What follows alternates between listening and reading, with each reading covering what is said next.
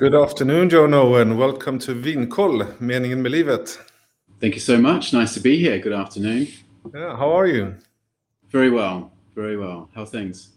Oh, it's all good, and the sun is back out in Stockholm now that we're recording this. But uh, we're here to talk about wine, so let's let's forget about the sun or the rain, actually. Absolutely. yeah. Um, you are based in Stockholm, but you run a, a wine import company focusing solely on New Zealand. Tell us.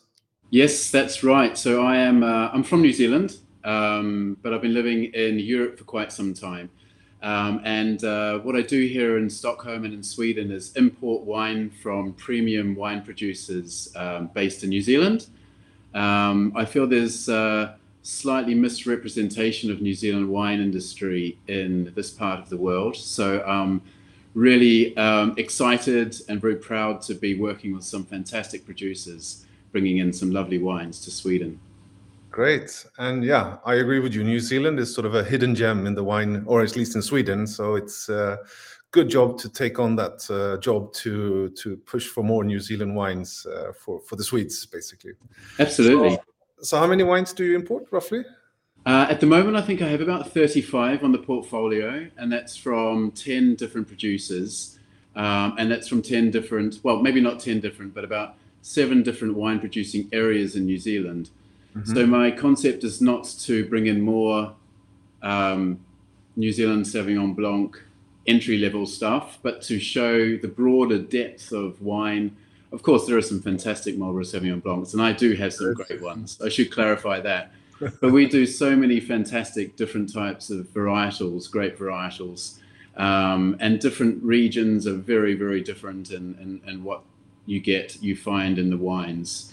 So um, it really is trying to just um, open up a, the New Zealand world, wine world, to uh, to people here. Good. And at Vinkoll, we'd love to help with that because today we're going to talk about a specific producer or actually uh, a specific wine, which, uh, well, I have to reveal it. It's a Syrah, uh, and maybe not sort of the the go-to grape for New Zealand, uh, just like you said. It's uh, it's known for other grapes so far, but uh, yeah, let's let's focus on this wine. What's who's the producer? Who's making this wine? We're going to talk about. Yes, so the producer is from Paritua, and Paritua is found in Hawke's Bay uh, on the east coast of New Zealand. Um, I guess more more specifically, it's the Bridge Pā Triangle where this particular wine is from. And like most wine regions, there are distinct variances within that region, so sub-regions in a region. Um, and this particular wine comes from the Bridge Pā Triangle, um, which is making incredibly good Syrah and sort of Bordeaux style wines, which as you say, might not be something that many Swedes um, registered that we did well, but we actually do some incredibly well, uh, some incredibly good wines in that Bordeaux style. And I think the Syrah is definitely um, in that category. Yeah, and the wine or the name of the wine, Paritua is the is the producer or the, the vineyard. That's right. And Stone Paddock Syrah, and this is a 2020 vintage. Yes, that's a beautiful bottle. It's a maybe it's a bit difficult to to see, but it's a beautiful bottle. Yeah. focus. It's a it's a nice. Spin it around there a little bit.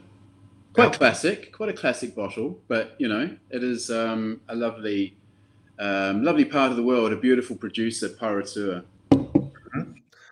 And uh, this is available in, in Sweden through the ordering assortment, and the the Systembolaget number is 51637, and it's at 229 kroners. And you are fortunate to have a bottle in front of you. That's right. Yeah. Poured some some into the glass. So tell us what what's on the nose. Well, I, I think for the for the value for the money, um, you get a lot of wine in this wine. I think this wine is is a premium wine and maybe a sort of a mid-range price. Um, it has a really lovely sort of violet um, inkiness to it, the appearance, a slight touch of, um, yeah, violet, I would say, lovely color. And the aroma, it's very bouquet. It's got perfume and it has spice, you know, this lovely white and black pepper, some five spice in there as well. That mm-hmm. lovely inkiness that you see in the glass comes through in the aroma as well. So I'm getting cassis, I'm getting dark plum, cherry, a lot of those kind of dark um, berries, blueberry as well, blackberry. Quite a um, Yeah, very very interesting bouquet. And once it opens, it will probably transform a little bit as well. Sounds lovely. That's why I'm mm. sharing. Yeah, no, I mean it's it's delicious. Yeah. Yeah, and I've actually tried it the other week, so uh, I I know how it is. So um, how is it made? There's there's a few there's a bit of text here, but tell us uh, how it's made. Yeah, a bit of text. I mean, it's from two clones, which is quite interesting because on the aroma you get the spiciness, and I think on the palate you get more fruit character coming through, and that's probably distinctive of these two different types of clone. Also, the two different regions within the sub-region um, part of the vineyard is like on, on silt, loam. Part of the vineyard is very um, alluvial soil, so lots of stones, red stones. It's quite a volcanic um, uh, area, so um, uh, Mount Ruapehu and Mount Taupo are quite close to this region. And so the, at one point, there was a lot of volcanic activity. So the soil is very rich in minerals. Um, so all of these things are fantastic, obviously, in winemaking terms um, because it, it, creates this like quite unique. Um, you have the spiciness there and the lovely perfume bouquet, but you also have that structure in the glass, the sort of the the minerally kind of um, deep flavors. So it's a wonderfully balanced wine between those two. Um, there's a little bit of time in oak, so it's quite classically made, um, and you do get a touch of the touch of the oak on the um, on the aroma as well as the palate. Um, but yeah, I think that's only a. Or, sorry. It was twelve months on oak, where exactly. partly uh, new oak. Exactly, and there's there's portions of um, new oak. I believe it's about twenty percent new oak um, in the winemaking process. Yeah. Good. And um, when you drink this, um, what is your favorite pairing, or or are you just like me, just drink it as it is? you know what? You know what? It's so interesting with this wine. I, I use my wife a lot as a benchmark for wine. Um, you know, typically she's the better half and and and um, makes the right decisions. And we were tasting a lot of these wines when they came over, she kind of disappeared. Um, and she took this bottle of wine with her, and I found her in the next room in front of the fire, just enjoying it. so, so, so it's a good one you felt. Right? It's, it's a good sign, yeah. But there's not much fire around at the moment. I think this is a great barbecue wine. This is my go-to barbecue wine because it works with a lot of different types of um, proteins. So fantastic with chicken and pork, very very good with pork, um, but also lamb. You could probably also get away with steak and a lot of vegetarians out there these days as well. If you're grilling vegeta- vegetables on the grill or any type of sort of cheeses, um, or you know, it works incredibly well with so many different things. Um, so this is the go-to barbecue wine for uh, for me at the moment. That sounds good. So uh, people like myself who who are quite how should I say in love with Syrah, we will recognize Syrah uh, this wine as well, and we would love it. And we could probably use a similar pairing to what we what we think of our normal Syrah, if you understand what I mean by saying normal. That's uh, Absolutely. I mean, there's a lot of classic notes to this wine. I mean, if you love Syrah, you'll classically know that this is a nice balanced Syrah.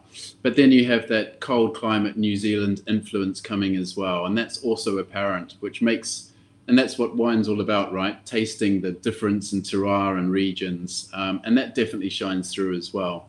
But I think you're right. I think if you're a classic Syrah drinker, this will really be um, uh, a pleasure to drink and enjoy.